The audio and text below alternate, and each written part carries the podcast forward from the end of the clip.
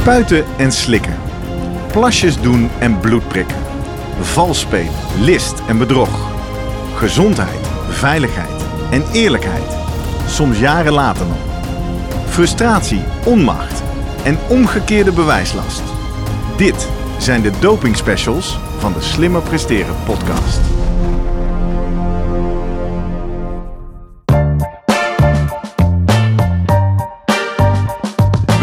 Bij de Slimmer Presteren podcast. Jouw wekelijkse kop koffie met wetenschapsjournalist Jurgen van Tevelen en ik, middle-aged man in Lycra, Gerrit Heikoop. Over sport, onderzoek en innovatie. Voor mensen die hun grenzen willen verleggen, maar daarbij de grens tussen onzin en zinvol niet uit het oog willen verliezen. In deze aflevering praat ik met Jurgen over de dopinglijst en de knelpunten van het huidige antidopingbeleid. De dopinglijst kent inmiddels meer dan 300 middelen. Of je van allemaal harder gaat lopen, is onzeker. Maar ze moeten wel netjes opgesport worden in het lab. Kan de lijst niet korter? En zijn de analyses goed genoeg? We bespreken met dopingexpert Douwe de Boer de ontwikkeling van het antidopingbeleid en kijken of het anders kan. Voordat we beginnen, nog even drie dingen om aan te denken als jij zelf ook slimmer wilt presteren. Nummer 1. Druk nu gelijk even op abonneren, zodat je altijd direct in de gaten hebt wanneer er een nieuwe aflevering online komt. Nummer 2.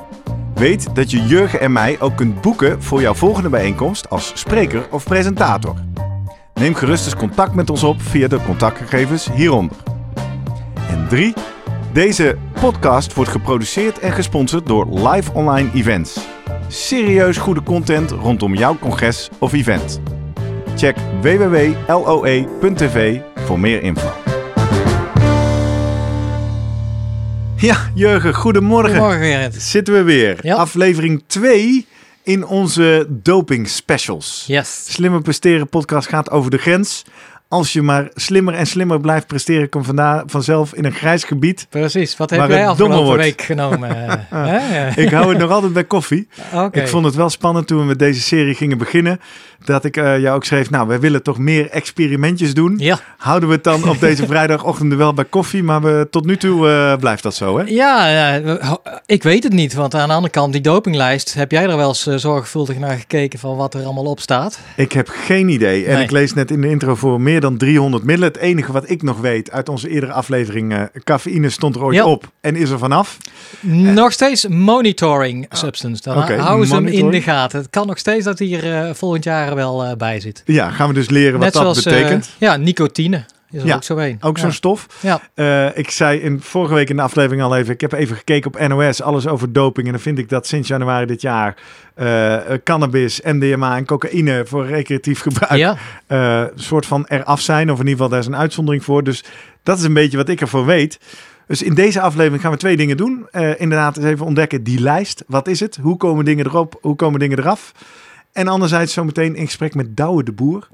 Een naam die je eigenlijk voortdurend tegenkomt als je in van die spannende thrillerverhalen gaat eh, duiken. eh, zoals die van Hinke Schokker, zoals we die vorige Ja. week bespraken. Ja. Dus eh, leuke aflevering weer. Leerzaam hoop ik. Laten we bij het begin beginnen. Eh, we gaan zo in gesprek met Douwe de Boer. Wie is hij? Waarom is hij onze hoofdgast vandaag? Douwe de Boer, ja, ik, ja ik, ik heb wat van mijn eigen artikelen teruggelezen en blijkt toch steeds dat ik eh, uiteindelijk, als ik eh, echt expertise wil, deskundigheid bij Douwe eh, terecht kom. Ja, Douwe de Boer heeft eigenlijk, ik heb zijn cv nog even bekeken. Die heeft aan, het leuke aan hem is, heeft aan beide kanten van het beleid gezeten. Hij is ooit begonnen eh, bij eh, de voorloper van de do- dopingautoriteit of het Nederlands Instituut voor Doping and Drugs Research.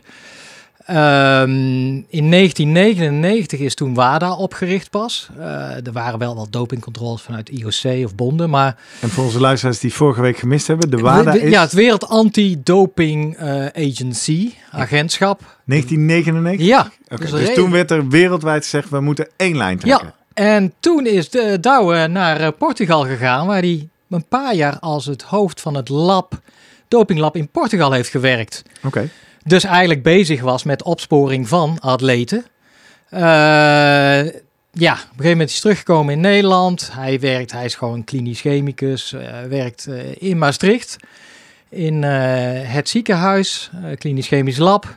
En in de tussentijd, ja, is hij toch een expert nog steeds voor veel mensen, met name atleten die betrapt zijn op iets en denken van, hè, maar uh, ik heb toch niks gedaan? Of hoe komt die stof dan in mijn lichaam? En daar hebben we het vorige week over gehad. Zij moeten maar aantonen van, hé, uh, hey, je bent in principe fout. Je hebt een, uh, een strafbaar feit gepleegd volgens de dopingreglementen. Want er is een molecuul in jouw bloed of jouw lichaam urine gevonden wat daar niet thuis hoort, wat op de dopinglijst staat. En Douwe moet maar eens proberen uit te zoeken dan van, hey, uh, zijn er dingen die niet kloppen hier? Of is er een alternatieve verklaring voor wat die waard is? Ja, hij staat veel atleten bij als contra-expert. Klopt. En we ja. horen zijn naam afvallen bij zowel de Hinke Schokkers, het Ja. verhaal van vorige week, de amateur die per ongeluk positief testen, tot aan de contadors. Die eh, mogelijk door besmet vlees of Zeker. andere reden Ja. eh, een, Ja. een picogram, Ja. 0, 0, 0, Ja. 0, 0, Ja. 0, Ja, eh, en dan nog een Cinco, uh, glenbutanol. Eh, Glenbuterol, ja, ja, precies. ja, ja. ja, dat, is allemaal, dat zijn allemaal trajecten waar Douwe de Boers Ja. naam opduikt. ja. En zo met hem bellen, gaan we met hem praten over die lijst, over die testen, over de, de pro's en de cons van de manier van testen. Maar voordat we dat gaan doen, wil ik even helder hebben, die dopinglijst. 300 middelen. Hoe komt men aan die 300 middelen? Ja, hoe het precies weet ik ook niet. Kijk, ik eh, pak af en toe die lijst er eens bij en dan ga ik eens kijken van, nou ja, ik, ik moet zeggen, driekwart van de stoffen zeggen mij ook niks. Maar grofweg gezegd hebben ze een aantal categorieën. De anabolen, dus Ja. de, de spieropbouwers, waarvan met name de anabole steroïden. Dat klembuterol valt daar ook eh, onder. Klembuterol is een middel wat ze aan, aan, aan koeien geven, met name dan in eh, Mexico en China. Om eh, ja, lekker, lekker te groeien, de spieren te ontwikkelen. Ja, dat is een, daarnaast heb je allerlei de, de EPO-achtige stoffen. Eh groeihormonen horen daarbij, Dus. EPO-achtige stoffen Ja. zijn de stoffen die meer rode bloedlichamen zouden Precies, ja, creëren. en dan kan EPO zelf zijn of stoffen die erop lijken en die op die eh, receptor wel gaan zitten of eh, van tevoren eigenlijk aanzetten tot de aanmaak van EPO in de nieren. Ehm, de stimulantia, nou daar, daar was voor eh eh, Hinke het probleem. eh, nou, dat zijn de amfetamine-achtige stoffen. Daar zit Oppeppers. ja, cafeïne dan ook bij, modafinil, Ritalin. Is ook Ja, eigenlijk het anti-ADHD eh en dat zijn echt wel stoffen, ja, daar hebben we het met Guido ook over, die eigenlijk voor de meeste, ja, de meeste gevallen daar een positieve uitslag van wordt gevonden, maar de meeste atleten ook wel een medisch attest voor hebben. Ja, een doktersverklaring waarom Ja. zij die middelen medisch gezien nodig hebben. Precies. Ik blijf dat fascinerend vinden. Gaan we het met Guido over hebben. Hoe kan het nou dat jij topsporter bent en astmatisch of weet ik allemaal wat ze, Ja, wat ze Ja, mankeren? ja. Maar dat gaan we over twee weken Nou, heb je nog een hele groep diuretica. Dat zijn dat? eigenlijk ja, eh, de, de, de plaspillen. Oké, vocht afdrijven. Ja, en dat logisch ergens van. Want, Want waarom, is dat, waarom willen, vinden Ja, we dat doping? Waarom willen we dat niet? Nou, omdat je op die manier in ieder geval achterdacht kan kweken van ik heb een middel genomen en dan wil ik zo snel mogelijk uit mijn lichaam. Ah, hebben. dat zijn middelen die Ja. kunnen helpen om te klaren, Ja, we volgende precies. week. Dus om stoffen uit je lichaam af te drijven. Dus dat is een hele rits. Heb je de, eigenlijk de astmamiddelen, de salbutamols. eh dat zijn eigenlijk stoffen die jouw luchtwegen verwijden. Eh, ja, dat Waardoor je dus meer zuurstof op zou kunnen nemen tijdens Ja, sportprestatie. en die zijn op zich, daar proberen ze het onderscheid te maken tussen de inhalaties, tussen de puffertjes, want die mogen wel. En het feit als jij ze als injectie of eh, als, als pil gaat nemen, dan het hele lichaam eh, beïnvloeden. Mhm. Want ze zeggen, ja, eh, die kunnen op spierniveau namelijk ook anabool werken. Maar sec genomen voor het Anabool werken, toch? Eh, spier, spierverstevigend Helder. en eh, herstel. ja, dat je ja. harder groeit. Ja. Ja. en dan. ehm, dus eigenlijk zeggen ze, nou, als jij puffertje neemt, dan komt het meest in je longen terecht en wordt daar al afgebroken. En wat je uiteindelijk in urine meet, is dan een lage dosering van de, van de, van de echte salbutamol bijvoorbeeld. Ja, Alleen, ja, goed, jij weet, we hebben het vorige week misschien al bij de, over de Pointer-uitzending gehad. Ging om een Nederlandse eh, wielrenner die ook op salbutamol eh, gepakt is, net als Froome. Ja. Is lastig. Er zit gewoon het moeilijke gebied van, kun jij precies eh, aangeven van wanneer iets systemisch gegeven is, lees door een pil of, of een injectie, Of dat het via, ja, dat je het gepuft hebt. Want als er iets met jouw longen anders is, dat die anders, nou ja, klaren of in ieder geval andere bepaalde enzymen anders hebben, Ja, dan kan dat ervoor zorgen dat er meer van die, die, dat, dat inhalatiespul toch in je lichaam wordt opgenomen. Ja. En daar staat eigenlijk ook het verleden in de, wiel, in de wielrennen bol van. Dat mensen dan toch bepaalde, nou ja, dan ging het om corticosteroïden, daar heb ik ook een verhaal over geschreven, die, die waren ontzettend in. Bijvoorbeeld, eh, ja, tijdje, nou ja, eh, Armstrong, die dan met terugwerkende kracht een medische attest kreeg voor zadelpijn. Corticosteroïden werden met name gebruikt eigenlijk als, eh, ja, je, je wordt er euforisch van. Je kan lekker hard trainen en bovendien eh, verlies je wat kilo's. Dus dat, nou ja, en dan, En we hebben vorige week al even aangeraakt waarom is er een antidopingbeleid en dus een antidopinglijst. Het kan zijn competitievervalsing, hè? gewoon oneerlijk spel, want je gaat harder dan de anderen die gewoon trainen. Maar met name ook natuurlijk gezondheid en veiligheid. Mhm. En dit zijn dus allemaal soort van stoffen waarvan iemand, en dat moet je zo uitleggen Ja. wie dan, heeft gezegd dit vinden wij onveilig als mensen dit ongecontroleerd zouden gaan innemen. Klopt. Dus er zijn drie criteria die altijd terugkomen. En een middel moet aan twee van de drie criteria voldoen. En dan die criteria zijn A, het is prestatievervorderend. Twee, het is schadelijk voor de gezondheid.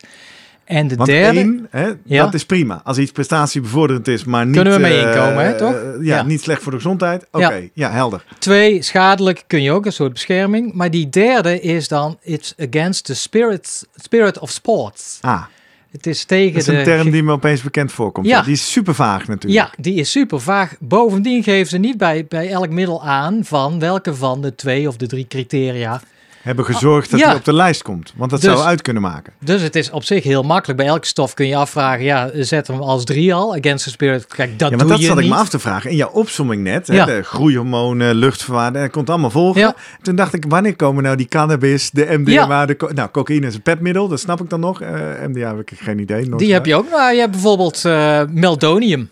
Wat is Ja, dat? Dat stuf, stofje wat een paar jaar geleden ineens in was. Want heel veel Russische sporters werden erop betrapt. Sharapova was eh, de eerste zo'n beetje.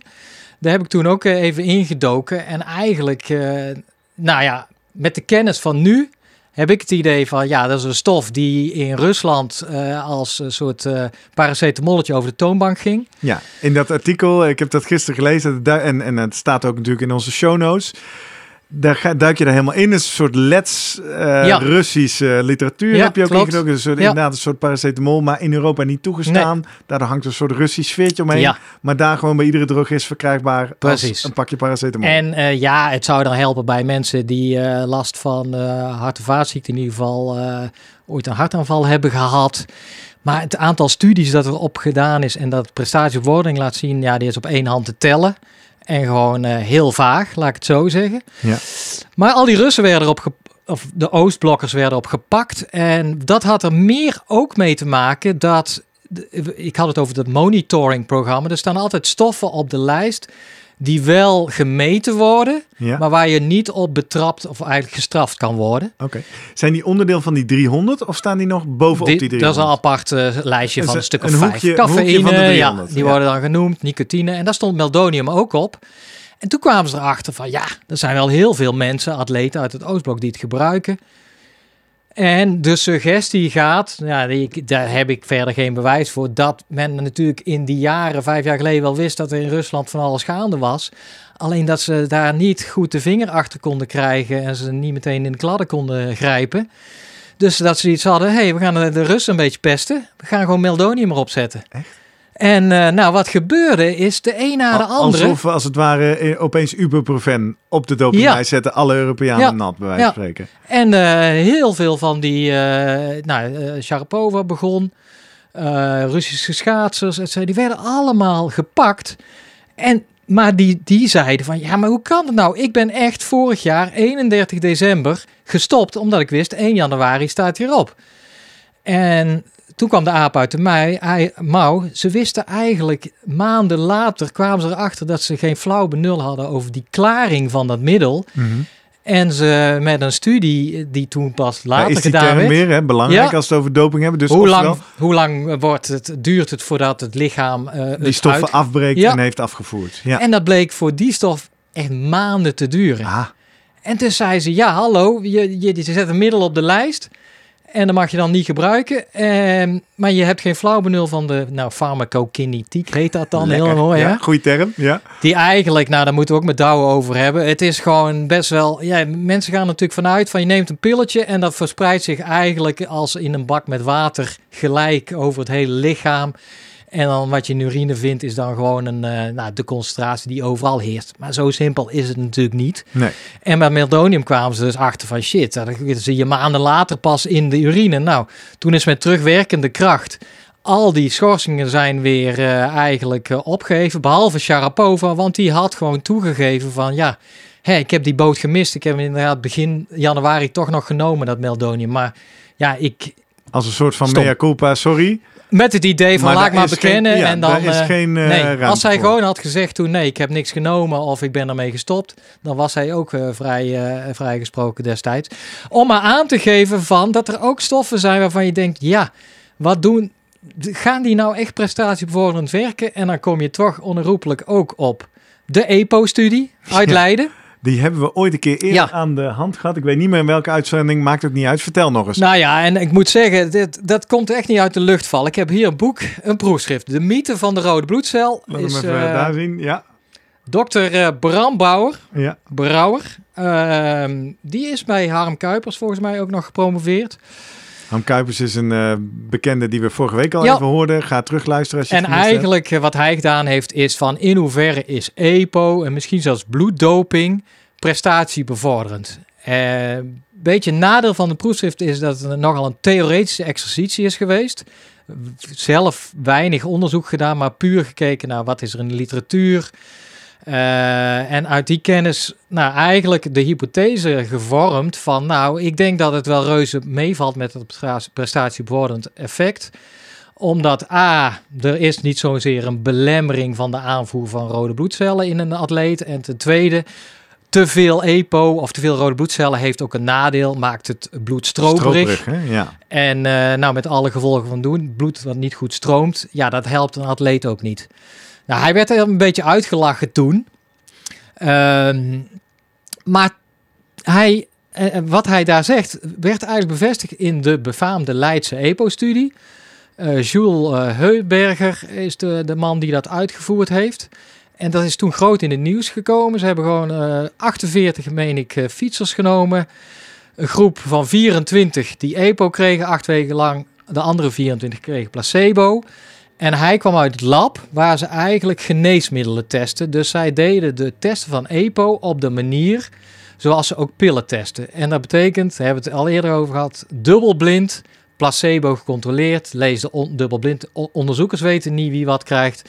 Proefpersonen zelf ook niet. Placebo gecontroleerd. Je, je geeft een neppil die precies lijkt op, eh, Ja. op, op eh, de pil die je wil onderzoeken. En dan ga je kijken, En zie ik verschillen? En in hun geval keek ze naar, ja goed, in hoeverre geeft het prestatie bevorderend, eh, bevordering. Nou, dan keek ze eigenlijk naar die acht weken en dan zagen ze, ja, en dat is, dat is nog steeds het makke, vind ik, van de studie. Er was daadwerkelijk een effect bij een inspanningstest in het lab, maar wel een maximaaltest. Die werd iets beter met EPO. Maar zij zei zelf, ja, maar een wielrenner gaat nooit, ja, maximaal is alleen maar eventjes in de sprint. Die rijdt grotendeels eigenlijk gewoon op, nou ja, Lange lang- duur. ja. Dus we gaan gewoon de, de test in het veld doen. Dus een Mont Ventoux beklimming. En dan hebben ze gewoon die twee groepen eh, la- laten starten dan, en dan gekeken. En ze hadden natuurlijk wel netjes gepoeld van dat alle, beide groepen aan het begin van de studie even sterk waren wat betreft de getrapte vermogens. In het et lab wederom, Ja. hè? Ja, ja, ja. En dan zei ze, nou, eh, na afloop, eh, eigenlijk kwam de groep die niet de EPO had gehad, kwam zelfs iets sneller die Mont Ventoux op met een lange aanloop dan de groep die het wel had genomen. En dat is toen in het nieuws gekomen. En zie je wel. Als, E- en dan kan me nog Ja. EPO werkt niet. Bij Precies. al die wielrenners uitlachen. Maar toch ook die dopingheksenjacht uitlachen. Ja. Dat gevoel herken ik Ja. toch ook wel. Want Ja. we kennen al die beelden nog rond de EPO-tijd. eh, hele ploegen die door de Franse politie uit een hotel werden opgelicht en weet ik het allemaal. Was dat dan allemaal voor niks? Ja, je gaat je wel afvragen. Ik heb daar toen toch wel, ik ben er wel ingedoken, wat mensen gesproken. En dan is er altijd de kritiek op de studies is ten eerste die test van die Mont Ventoux.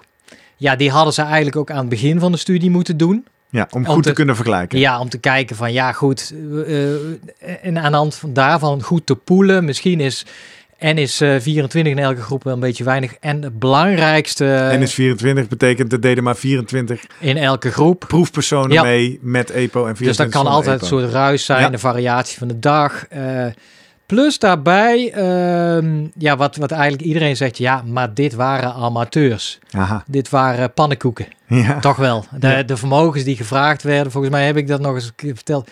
Zelfs ik had ge- gesolliciteerd voor, eh, om mee te doen. ja. En ik viel niet af zozeer door... Dat door niet dat- top genoeg maar ik was. was iets te oud, Oh ja. geloof ik. Ja. Ja. En dat was... eh, En dan komen we op wat we natuurlijk Louis de La Haye ook hoorden zeggen toen we, we hebben wel eens gehad, wetenschappelijk gezien is nooit aangetoond dat een hoogtestage effect heeft. ja, Even spieken, dat is aflevering, ik heb hier ergens die nummers, maar ik kan het niet snel genoeg vinden. Nou, kijk maar in de lijst.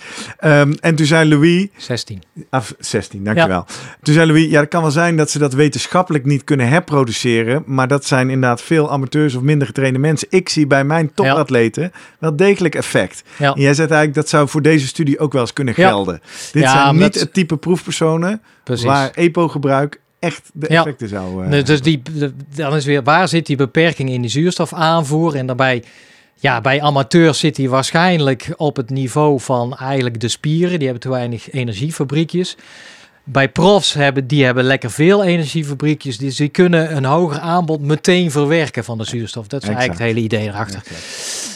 Plus daarbij dat zij best wel eh, mild zijn geweest in een, in een EPO. Dus die hemocriet Oh, ging wel... niet zoveel gegeven. Nee, want zij wisten, ja, we wilden niet boven de 50% gaan van die hemocriet. En we hadden het al over Bjarne Ries, Monsieur Soissant.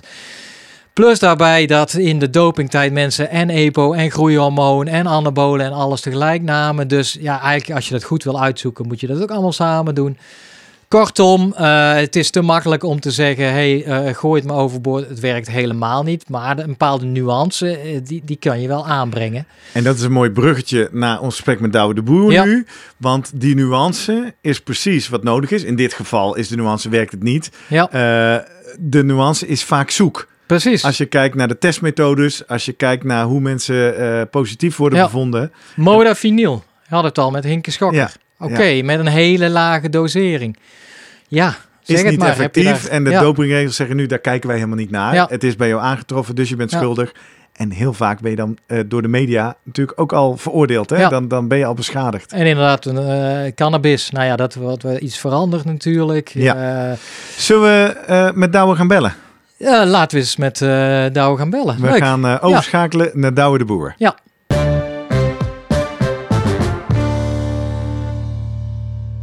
Goedemorgen, Douwe de Boer. Goedemorgen. Goedemorgen. Welkom in de Slimmer Presteren podcast, de Doping Specials. Eh, we kijken in deze aflevering naar de dopinglijst en eh, ook specifiek naar de grenzen van het antidopingbeleid en eh, waar dat misschien eh, knel komt.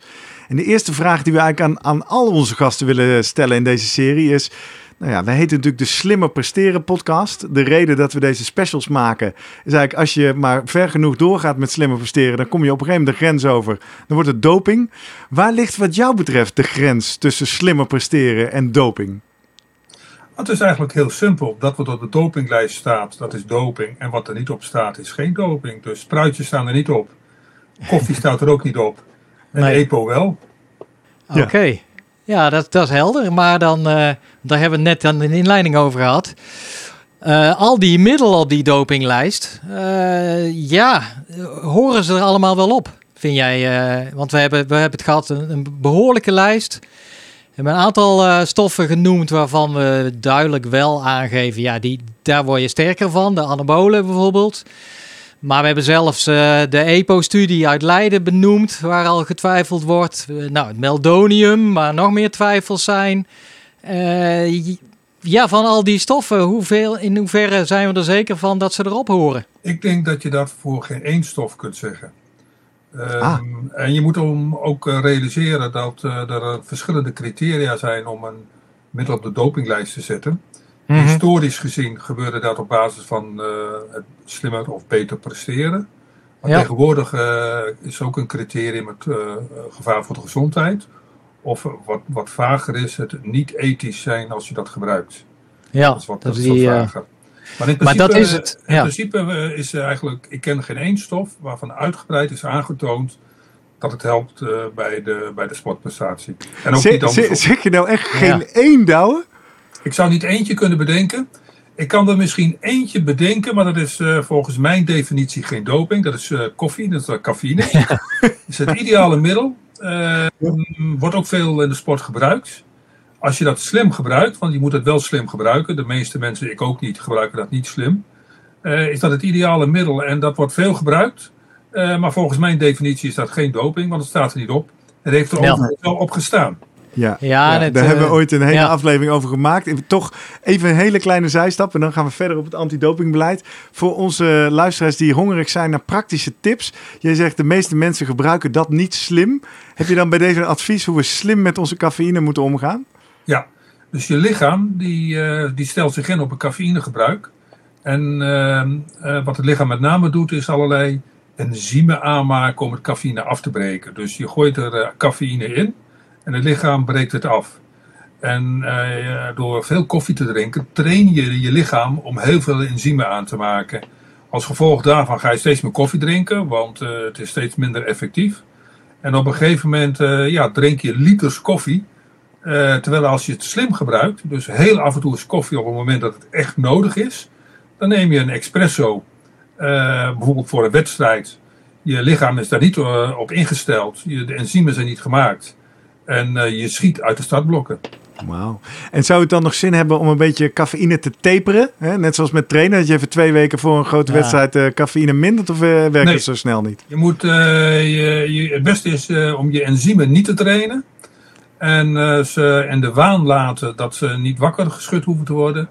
En dan bij een wedstrijd, dan knal je. Leuk. Mooi zijstapje, die hebben we vast. Maar uh, Douwe, dit, uh, het zet mij wel aan het twijfel over uh, de hele wetenschap die er bij WADA heerst. Als jij al zegt van, nou, er zijn geen enkele stoffen waarvan ik kan zeggen dat het wetenschappelijk aangetoond is dat zij de prestatie bevorderen. Het moet me ook denken, wel dat al over de EPO-studie uit Leiden. Uh, Jules Heuberger heeft natuurlijk ook een, uh, een, review geschreven waarin hij gekeken heeft naar de studies die gedaan zijn. Hè. En dan, dan, vond hij eigenlijk vijf van de 23 klassen waarin in ieder geval wat evidence zou zijn dat het de kracht of het sprintvermogen wel zou verbeteren. Maar inderdaad, het geeft ook aan. Theoretisch. Allemaal ja, dat het minimale bewijs is. Zou dat er niet moeten zijn? En, en uh, ik bedoel, er zitten toch ook wetenschappers bij WADA. Daar worden toch onderzoeken gedaan naar dit soort stoffen? Of, uh... Nou, er wordt heel beperkt onderzoek gedaan. Want men is er als de dood voor dat dat uh, vast komt te staan dat het echt helpt. En dan maak okay. je reclame voor de zaak. Ja. je moet ook realiseren dat de dopinglijst historisch gegroeid is. Dus de dopinglijst is in de wereld geholpen omdat er doden vielen. In de jaren mm -hmm. 60. Er vielen doden en er moest iets aan gedaan worden. Dus daar ging het helemaal niet om. Sportprestatieverbeterende effecten en dergelijke. Er vielen doden en daar moest wat aan gedaan uh, worden. En zo is het begonnen. Daarna uh, is die lijst gegroeid. Uh, onder, voor alle, allerlei redenen. En vervolgens is de WADA opgericht en die heeft vervolgens criteria bedacht waarom dingen die historisch al op de dopinglijst stonden, op de dopinglijst zouden moeten staan. en uh, die criteria die zijn er achteraf bedacht. Dus normaal begin je met criteria en dan stel je je dopinglijst op. Hier heb je je dopinglijst opgesteld. Je bedenkt daarna criteria. En ja, dan is het uh, niet verwonderd water of wonder, niet wonderbaarlijk dat er dan uh, de middelen niet voldoen aan die criteria, omdat het verder niet getest is. Ja. ja.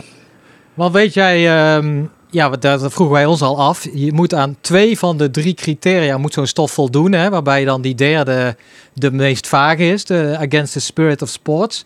Maar je kan nergens vinden in die, van, die, van die middelen aan welke criteria het nou precies heeft voldaan, hè, van die drie, prestatievervorderend, ja. schadelijk of... Zou dat, nou, die transparantie mis ik wel. Ben jij dat... Uh, nou, transparantie en doping gaan niet samen, überhaupt niet, ook niet uh, tijdens het beleid. Uh, dus die ik denk dat het onderzoek niet gedaan is. Dus uh, uh, ze kunnen dat ook niet. Uh, ja, ze kunnen dat niet transparant maken, omdat het niet hmm. gedaan is. Ja. Maar wat, wat, maakt dat je dus zegt, Douwe, transparantie en doping gaan niet samen, ook niet aan de kant van het beleid? Want daar zou je dat toch eigenlijk wel wensen of verwachten? Ja, daar kan ik nog uren over, over vertellen. En dus er wordt inderdaad niet bekendgemaakt waarom cafeïne van de lijst is gehaald en nu niet meer op de lijst staat waarom meldonium, wat echt echt onzin in het kwadraat is. en wat de politieke achtergrond heeft, er wel op, op staat. dat wordt nooit, nooit uitgelegd. er wordt ook niet uitgelegd als atleten veroordeeld worden of vrijgesproken worden. wat, wat de argumentatie is, ja, er zijn wel uitspraken beschikbaar. Maar er zijn ook heel veel uitspraken niet beschikbaar. En met name de, de meest moeilijke uitspraken, uh, ja, die, die, die, die zijn geheim. En hmm. uh, ja, in die zin zeg ik, uh, schekscherend, transparantie en doping gaan niet samen. Ook het gebruik niet, hè. Dus, nee, precies. die, die kant is helder. En is ook deels wel van de, van de mystiek en de thrillerverhalen die dan naar boven komen. Uh, ik, als, ik, als ik je zo beluister, dan, dan moet ik toch even één korte checkvraag stellen. Als je zegt, ik durf wel de stelling aan, geen enkele van die middelen, behalve misschien cafeïne, is prestatiebevorderend. Het is ook niet wetenschappelijk aangetoond uh, dat ze werkzaam zijn. Moeten we van die hele dopinglijst dan af? Waar, waarom hebben we dopingcontrole nodig? We hebben dopingcontrole nodig, uh, omdat we moeten voorkomen dat er doden vallen. En dat is ook. Uh, Vanuit de, gezondheid en veiligheidsargumentatie. Ja, dat is ook de reden geweest om uh, doping te verbieden. Realiseer je ook dat doping zo oud is als de moderne sport, dat is al eind 19e eeuw. En we hebben er misschien wel een kleine honderd jaar over gedaan om doping te verbieden. En waarom? Omdat we, doop, omdat we de doden niet meer verantwoord uh, vonden. Kijk, in de uh, eind 19e eeuw uh, vielen er sowieso doden vanwege de hygiënische wantoestanden. Dus dan mhm. hadden we andere normen en waarden. En op een gegeven moment is onze hygiëne in, in orde gekomen. En vonden we het niet meer verantwoordelijk dat er allerlei doden vielen. En toen is er actie ondernomen. En wat er verder allemaal gebeurd is, is allemaal van politiek. En ja, uh, ander, ander belang. Uh, dus we moeten dat in een historisch plaatje en een ja. context plaatsen. Dat is wel een goede duiding, ja. Maar ik ben wel benieuwd van, nu praat jij er zo over, hè? Maar je zit natuurlijk aan een bepaalde kant nu van, uh, ja, van, van, het, van het beleid, hè? Je, je, je helpt atleten met name die die positief getest zijn. En, uh, maar je hebt nou. natuurlijk in, in, in jouw begintijd, in, uh, ja, bij de, de voorloper van de dopingautoriteit of het Nederlands Instituut Doping Drugs Research. En volgens mij het uh, hoofd van het lab in Portugal was je, hè? In 2000, begin van WADA-tijd. Toen zat je natuurlijk wel eigenlijk in, aan de andere kant van het spectrum. Lees bij, uh, ja, volgde je het, het WADA-beleid daarin. Ben je daar destijds zo teleurgesteld in geraakt? Of had je toen ook al het gevoel van dit is niet goed opgezet? Of de regels kloppen niet? Of hoe, hoe is dat zo ontstaan eigenlijk? Nee, ik, uh, ik, ben, ik ben eigenlijk niet veranderd. Ik denk dat de wereld uh, om me heen veranderd is. Uh, ik heb ook in mijn tijd, toen ik ehm, onderzoeker was of, of controleur aan de andere kant, mm was ik ook de luisterende pels van de dopingautoriteiten. ik wist altijd hoe het beter kon. Dat is natuurlijk ook een beetje onzin. Maar ik gaf altijd aan hoe het dan moest. En ik stak mijn mening ook niet onder stoelen of banken. Uh, alleen je moet je realiseren dat zeker sinds de WADA er is en er is geen transparantie, is dat een gesloten front. Dus alle dopinglaboratoria die uh, praten zogenaamd met één mond, maar dat is niet zo. Dus ook achter de schermen uh, is men het absoluut niet eens. En de dopinglaboratoria hebben vaak ruzie met de WADA. Alleen naar buiten toe zijn ze één front. En dat was ik toen ook. Om, om, op een gegeven moment ben ik uit die wereld gestapt niet omdat ik dat uh, per se wilde. Maar uh, ik werkte in het buitenland en uh, mijn familie en ook ik wilden weer terug naar Nederland.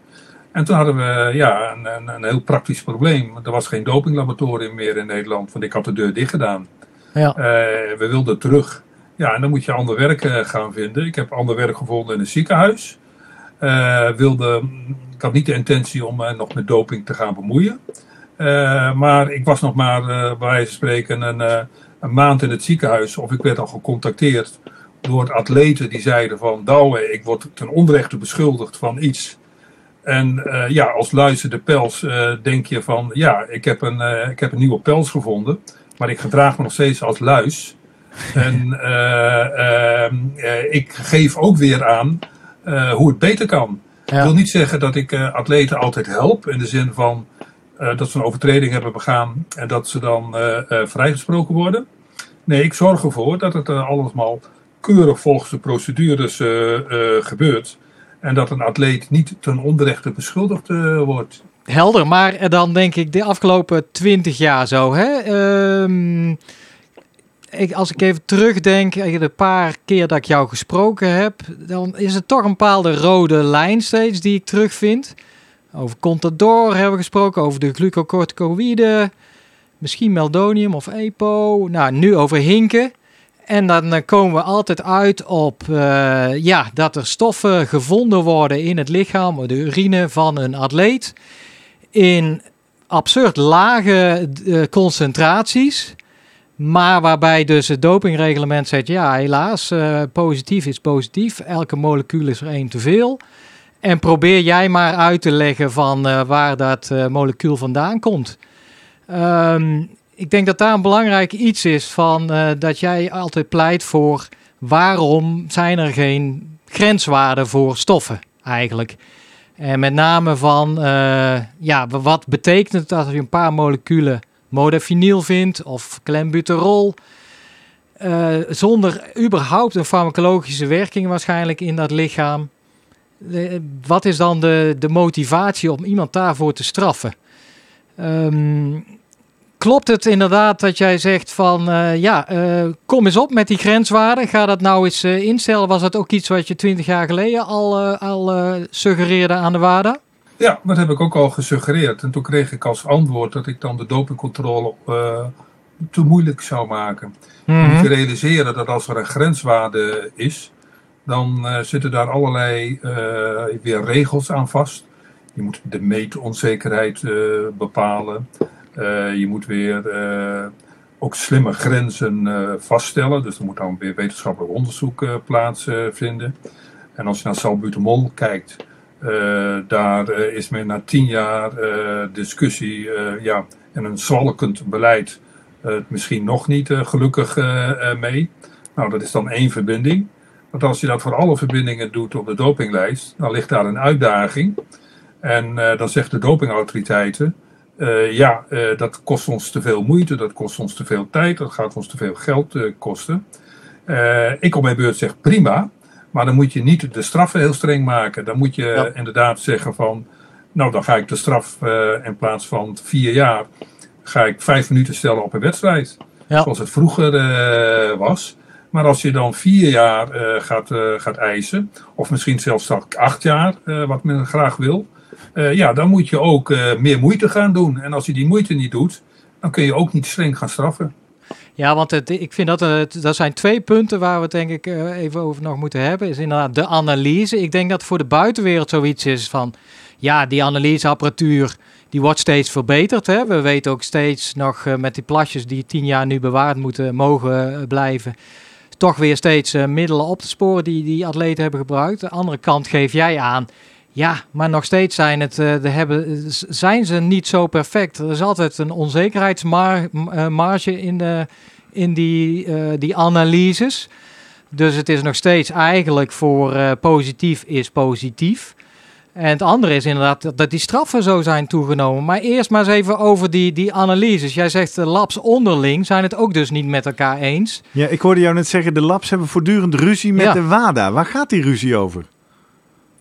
Oh, het gaat over heel veel uh, dingen. De WADA zegt, uh, jullie moeten niet uh, discussiëren, jullie moeten luisteren. Wij stellen regels op en jullie volgen. Jullie zijn uitvoerders. Uh, lab zeggen van je kunt wel iets roepen, maar uh, uitvoering kost geld. Uh, afhankelijk van het land waar een dopinglaboratorium zich begint, is er een budget of helemaal geen budget.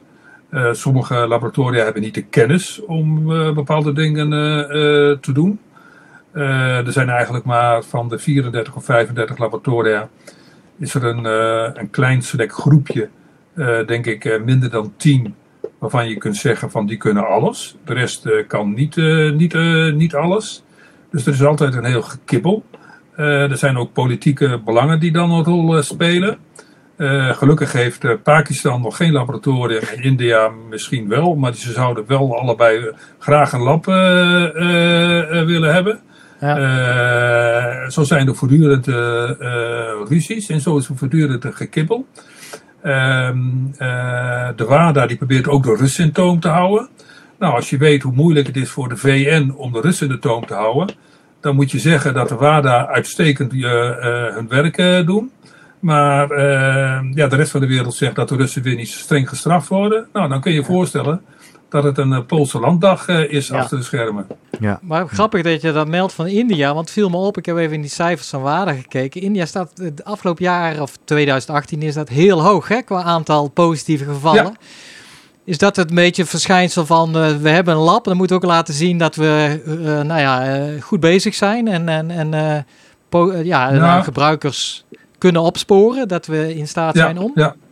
Ik denk dat je oude cijfers ten eerste hebt gezien, want ik meen te weten dat het India's lab tegenwoordig ook nog geschorst is. Ah, dus een, zijn het, ja. een atleet kan geschorst worden, maar een, een laboratorium ook. Wat was de aanleiding? Omdat de WADA ze niet meer vertrouwt aan Douwen? Nou, ze, ze voldoen niet aan uh, ze, bepaalde eisen. Dus ze hebben uh, waarschijnlijk bij bepaalde examens zijn ze door het ijs gezakt. Ja. Okay. Uh, want je moet voortdurend examens ook afleggen. Ja. maar ik denk dat in India zelf er nog niet gedurende een lange periode heel uitgebreid gecontroleerd werd. En die atleten konden altijd hun gang gaan. En dan ineens komt er een overheidsbeleid met een lab ja, die gaan dan op een gegeven moment uh, heel veel positieve vinden. En uh, ze moeten het land eigenlijk nog opvoeden, uh, zodat ze het dan slimmer kunnen gebruiken. Ja, dat is natuurlijk, voor, ja, we hadden het volgens mij met Hinke met de modafinil over, maar ook met clenbuterol destijds. Dat jij ook zei, de, de, zaak van Contador, die had eigenlijk de pech dat zijn urine, zijn test toen naar het Kulse lab ging. En niet naar bijvoorbeeld een, een, andere lab, omdat het Kulse lab ja, eigenlijk gewoon uh, net de betere apparatuur had om dat klembuterol op te sporen. En daardoor die, uh, de befaamde 00005 wisten op te sporen. Kortom, dat eigenlijk uh, een, een, ja, een atleet pech kan hebben dat eigenlijk zijn urine in een, een lab terechtkomt waar de apparatuur gewoon beter is of geavanceerder en daardoor wel sporen van een middel worden opgepikt wat in een andere lab dus niet zou gebeuren. dat, dat is er ook aan de hand dus. Ja, dat is nog steeds uh, aan de hand. En ze ja, proberen wel daar wat, uh, wat aan te doen. En ze, ze hebben tegenwoordig ook minimumgrenzen waaraan het lab dan aan moet voldoen. Uh, maar dan betekent nog wel dat een, een keulslab nog veel lager kan gaan dan, dan de rest. Dus er worden wel pogingen gedaan om het uniform te maken, maar dat, dat lukt nog niet volledig. En als ik jou zo beluister, super heldere uitleg. Je legt uit waar het vandaan komt. Je legt uit het gebrek aan, aan wetenschappelijk bewijs. De poging om toch over de hele wereld een soort van gelijke lijn te trekken. Waardoor je misschien niet uh, de verfijnde drempelwaardes en zo kan opzoeken. Is het systeem dan nu eigenlijk wel eerlijk en rechtvaardig voor iedereen die er mee te maken heeft? Ik denk dat de balans op dit moment een beetje zoek is. Uh, en dat bedoel ik met name uh, de, uh, de mogelijkheden voor de atleet om zich te verdedigen. Mm -hmm. Want je moet je realiseren dat in de sportrechtspraak eh, moet de atleet bewijzen dat hij onschuldig is. Ja, er is zogenaamde een... omgekeerde bewijslast. Hè? Ja, dan, ja. waarom is dat eigenlijk? Weet jij dat? Ja, dat is uh, omdat je atleten nooit op heterdaad kunt betrappen. Dus, uh, ah. er zijn, er is, ja, vorig jaar was er geloof ik een atleet die dan bij een bloedtransfusie nog in zijn arm betrapt werd. Uh, maar dat is dan een uitzondering. Atleten worden nooit op heterdaad betrapt. Uh, dus het is heel moeilijk om, uh, om het bewijs te leveren volgens het strafrecht dat je dan gebruikt hebt. Dat is lastig. vereist ja. ook heel veel politie-inzet. En dan hebben ze zich gemakkelijk gemaakt door de bewijslast andersom te leggen. En dan moet je ook realiseren dat de atleten zich heel slecht laten vertegenwoordigen bij het opstellen van regels. Dus die laten zich per definitie niet vertegenwoordigen. Uh, want ze zeggen, ik ben onschuldig en mijn buurman uh, die moet je pakken. Ja. waardoor ja, hun rechten heel slecht geborgd worden en, en alles. Dus moeten zij hun onschuld bewijzen. en dat is heel lastig. Terwijl de straffen eigenlijk bizar hoog zijn tegenwoordig. Uh, dus als het enerzijds heel lastig is om uh, te bewijzen dat je onschuldig bent. Uh, en, de en de straffen zijn bizar hoog. Dan is het mhm. helemaal uit zijn balans. En dat is mijn grootste bezwaar en zorg op dit moment. Waarom zijn die straffen in de loop der jaren zo omhoog gegaan? Ooit begonnen met tijdstraffen. Toen werd twee jaar eigenlijk een beetje de norm. En nu is het eigenlijk vier jaar, mits je onintentioneel dan iets hebt genomen. Dan wordt het twee jaar. Met daarbij nu wel dat cannabis, et cetera, de, recreatieve drugs, zullen maar zeggen. Voor drie maanden. Hè? Dat, is een goede, dat vind ik wel een goede ontwikkeling, laat ik het zo zeggen. Maar waarom is die opschuiving naar vier jaar? Weet jij, uh, wat was de reden om, uh, ja, om dat steeds langer te maken, die straf, uh, ja, de straf? realiseer je dat vier jaar is dan nu misschien een tussenstap naar acht jaar. Dus dat is iets mhm. wat ze willen. ik denk dat het een politieke keuze is en dat het een, ook een culturele keuze is. Er zijn landen die gewoon willen dat drugsgebruik in het algemeen en, en gebruik in de sport heel streng gestraft wordt. En dan heb je ja, heel veel landen die roepen: het moet keihard aangepakt worden. Mhm. Nederland steekt zijn vingertje op en zegt: Nou, misschien moeten we wat nuanceren. Maar Nederland wordt niet serieus genomen. Want we gebruiken allemaal cannabis in Nederland. en ja, dan krijg je dus dat er onder politieke druk en culturele inzichten en, en, en andere landen, continenten uh, ja, dergelijke uh, straffen geëist worden. En als er dan geen tegenwind is van de atleten zelf, ja. ja. dan wordt dat, wordt dat ingevoerd. Want dat is de invloed van Amerika, denk ik, hè? De, waar jij op doelt. Ja, niet alleen Amerika, maar ook Zuid-Amerika. Hmm. die, die, willen ook, die hebben ook een drugsprobleem. Dus die, die, die, die, die, ja, die, die zetten liefst het leger in. Uh, dus daar is een hele sterke druk om uh, um, straffen streng te maken. En je moet je ook realiseren dat vroeger re regelde het IOC dat. Die, die gaf dan de toon aan. Maar tegenwoordig is dat de WADA. En er worden ook allerlei diplomaten ingezet om het beleid uit te stippelen. Mm. Dus het is ambassadeurs die gaan naar de WADA toe. die gaan onderhandelen. Die gaan bijvoorbeeld zeggen van, nou, cannabis, oké, dan zeggen we drie maanden nu straf. Maar dan wil ik als, als tegenprestatie dat het voor de anabolen zes jaar wordt. En zo wordt er onderhandeld. Ja. En dan komt er een, een, een politiek compromis. Dus de, de straffen worden steeds strenger. Dat deels omdat we met de hele wereld blijkbaar dus één lijn moeten trekken. Uh, we zeiden het al in de inleiding, jij staat ook veel atleten bij die uh, wellicht ook onterecht gestraft worden. Uh, naast wat hun boven het hoofd hangt en de, de omgekeerde bewijslast. Kan je eens beschrijven, je, je hebt dat van dichtbij meegemaakt en gevoeld. Wat betekent de publieke straf. Hè? Met, zodra het woord doping aan je kleeft, is je sportcarrière een soort van voorbij, lijkt het. Wat betekent het voor een atleet dat het in de, in de pers en de media zo omgesproken wordt, omgesprongen wordt met dopingzondaars? Nou ja, je hebt uh, bijvoorbeeld uh, Denise Betsma. Die is vorig jaar vrijgesproken omdat een supplement wat van haar, die zij gebruikte, gecontamineerd was met een, met een anabool daarvan, die wordt nog volgens mij nog steeds aangekeken door bepaalde collega's, met name uit Amerika. Dat het uh, belachelijk is dat zij positief is bevonden, dat zij maar een paar maanden straf uh, heeft, uh, heeft gehad. terwijl ze wel vrij is gesproken. Daar leidt ze nog steeds onder. Denise heeft nog het geluk dat ze maar een paar maanden straf heeft gehad. Er zijn ook voorbeelden van mensen die dan vier jaar kregen en dan helemaal niet meer terugkomen. Die zijn zo gedesillusioneerd dat ze met hun sportcarrière uh, uh, gestopt uh, zijn. En die gaan dan iets, iets anders doen. En er zijn natuurlijk ook extreme voorbeelden. ik, ik, ik heb in de vijf jaar geleden een, Finse, een Finse wielrenner meegemaakt. die dan, want in Finland denkt men heel zwart-wit over doping. die met een minieme concentratie van een dopinggeduid middel ook vier jaar gestraft werd. Die werd zelfs verstoten door zijn familie. Dus die woont ook inmiddels niet meer in Finland, maar in België. Uh, dus dat zijn dan uh, even, even zo wat voorbeelden. En uh, natuurlijk zijn er ook gebruikers die dan bewust iets gebruikt hebben. En ja, daarvan kun je zeggen, oké, okay, die krijgen dan misschien terecht publiekelijk een straf. maar er zijn ook degelijk een aanzienlijke groep die denk ik ja, ten onrechte te zwaar gestraft worden.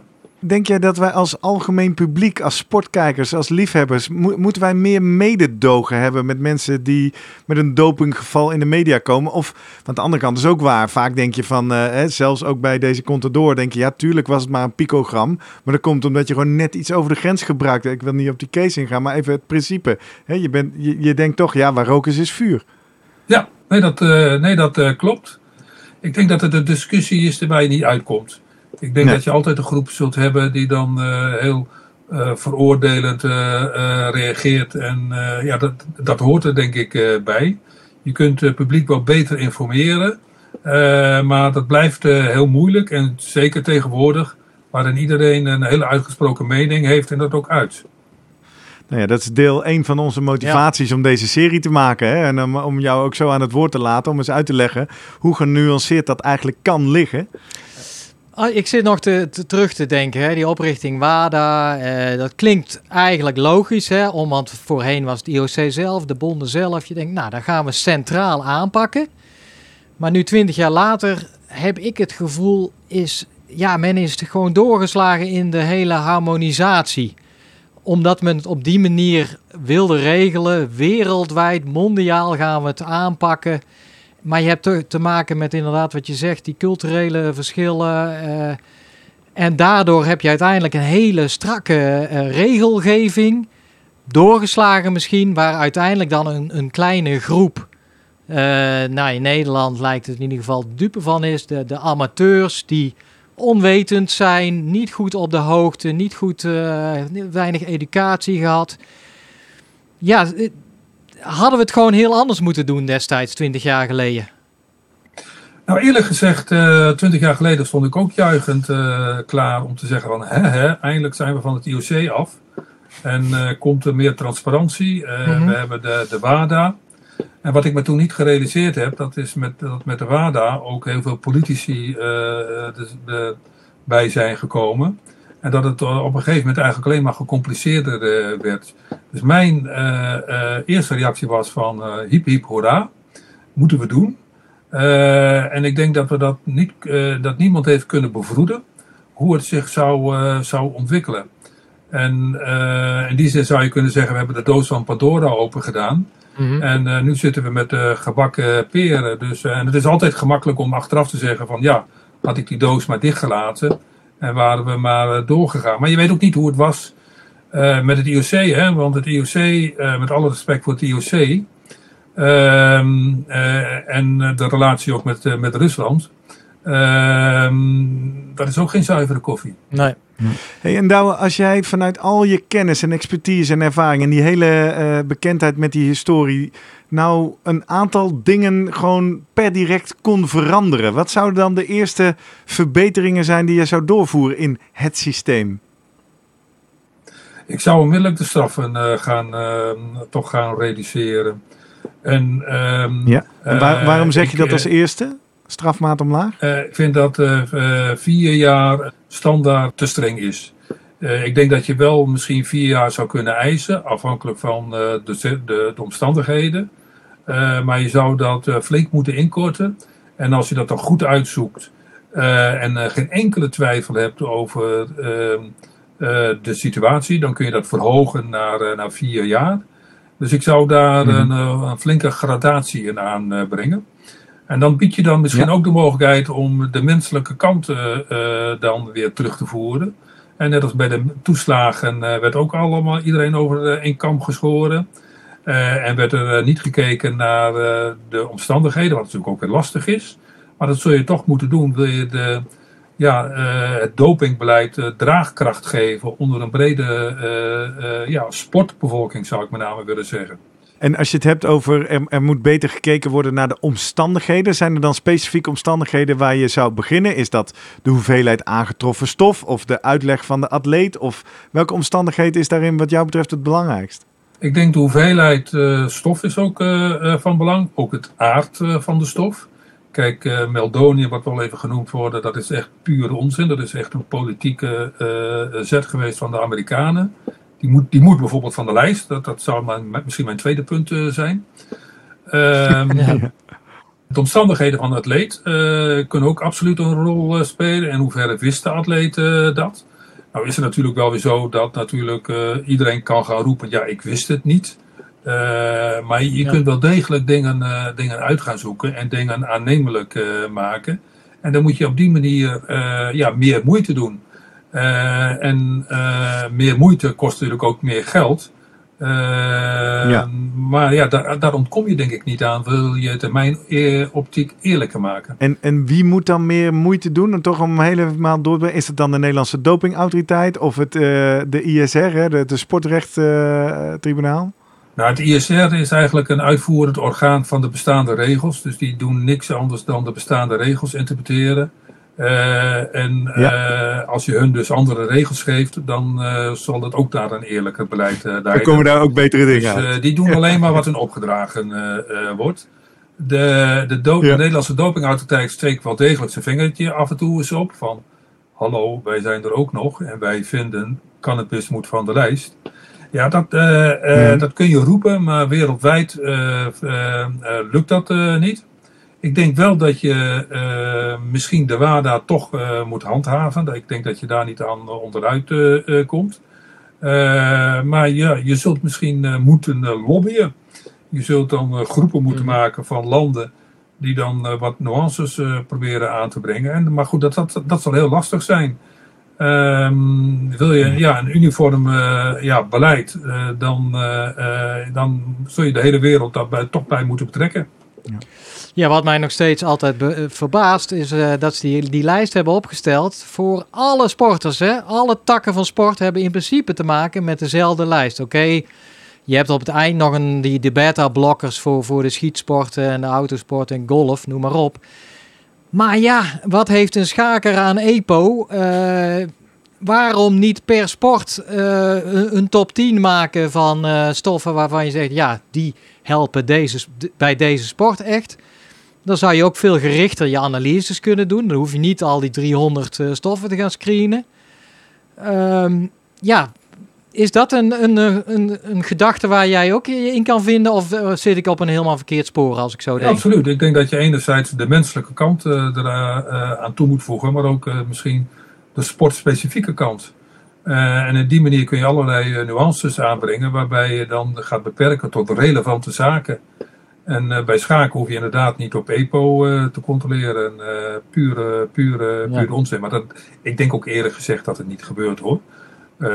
Nee. Ik denk wel degelijk dat ze wel degelijk in die zin intelligent, of proberen, laat ik het zo te zeggen, intelligent te zoeken.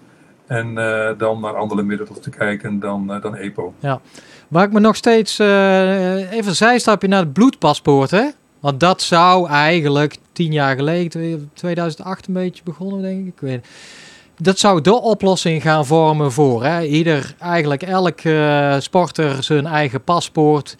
Voor in ieder geval van zijn bloed. En misschien ook zijn steroïdeprofiel of uh, andere stoffen. Ehm, maar ik heb toch niet het gevoel, ook als ik lees, er worden toch niet heel veel atleten opgepakt. Hè? is het uiteindelijk toch uh, niet, nou laat ik het zo zeggen, niet veilig genoeg? Is het te lastig om, uh, om atleten daarop nou ja, te pakken of aan de hand van afwijkende bevindingen inderdaad glashard te zeggen, ja, jij hebt gesjoemeld met, met EPO of, of bloeddoping? Hoe kijk jij nou, daar ik denk, dat, ik denk dat het bloedpaspoort wel degelijk heel goed werkt. Ik denk dat je daarmee voorkomt dat er excessen plaatsvinden. Uh, het grote probleem met bloedpaspoort is, en uh, ik moet je in die zin eventjes teleurstellen, er zijn wel degelijk heel veel atleten die daardoor op, basis daarvan gestraft worden. Het probleem bij bloedpaspoort is nu dat atleten het bewijs moeten leveren dat verandering in bloedpaspoort een, een onschuldige verandering is. En dan leg je weer de, het bewijslast bij de atleet. En voor de amateur is dat heel, is dat heel, heel lastig. Maar je, komt, je voorkomt wel degelijk uh, excessen. Ik denk dat de excessen er, eh, eruit zijn. Dat je die uh, daarmee op kunt sporen. En dat uh, alleen al het principe dat je het uitvoert al effectief is. en dan gaan atleten zich wel twee keer bedenken. Het probleem wel is, is dat atleten wel degelijk iets willen gebruiken. En dan maar iets anders gaan gebruiken. dus elke opsporingsmethode die je dan verbetert of uitbreidt, uh, los je het probleem niet op, maar je verschuift het probleem naar ja, misschien wel gevaarlijke zaken. Nog even, want bloeddoping, hè, kan dat nou wel of niet al, in ieder geval bij microdosen en lage hoeveelheid, kan dat nou wel of niet al opgespoord worden? Niet middels het, de detectie in het bloed. Hè. Dus je, je, de, ik denk ook niet, ik kan me ook niet, niet een voorbeeld op recent herinneren van iemand die me aan de hand van een bloedtransfusie is veroordeeld. Anders dan dat er een bloedzak is gevonden in een diepvries ergens op in een schuurtje. Uh, of dat de bloedzak nog uh, aan je arm uh, Ja, precies. Dus, dus ik denk dat het heel lastig is om dat aan te tonen. Maar ik, ik denk ook dat alleen al de dreiging dat je het gaat onderzoeken... al voldoende atleten afschrikt. En dan natuurlijk blijft er altijd een paar die het blijven doen. Dat doen we ook met, met alcoholcontrole en snelheidslimieten op de weg. Ja. Mooi. Ja.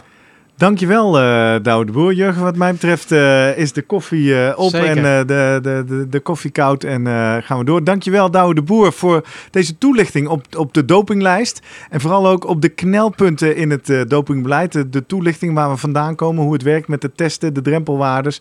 Het gebrek aan transparantie. En toch ook een aantal mooie opbouwende suggesties over hoe het beter moet al komen we dan wel helaas uit toch weer bij die WADA. Als we je doorvragen wie moet dat dan doen. En dat is nou precies de plek waar dus zoveel internationale politiek aan de gang is. Maar uh, ik vond het erg verhelderend. Jij, ja, zeker. Ja. Dankjewel uh, voor je tijd en je toelichting. Laat ik onze kijkers en luisteraars nog eens een keer vragen. Ik ben benieuwd. Heb jij nog specifieke vragen naar aanleiding van deze aflevering? Misschien wel aan Douwe de Boer of aan ons. Over doping, over de analyses, over de dopinglijst of de stoffen die daarop staan. Dan kan je ons vinden op social media. Via @slimmerpodcast zijn we te vinden op Twitter en op Instagram. Je kan ook naar onze website www.slimmerpodcast.nl. Daar vind je een webpagina van deze aflevering waaronder je ook kunt reageren. En je kan hem natuurlijk ook delen met iedereen die je kent voor wie deze aflevering ook interessant zou kunnen zijn. En je kan ons ook mailen via post.slimmerpodcast.nl. We reageren altijd en we vinden het ontzettend leuk om van je te horen. Tot zover deze tweede aflevering van onze doping specials. Uh, nog een aantal te gaan. Jurgen, tot volgende week. Tot volgende week. En Douwe, bedankt. Graag gedaan.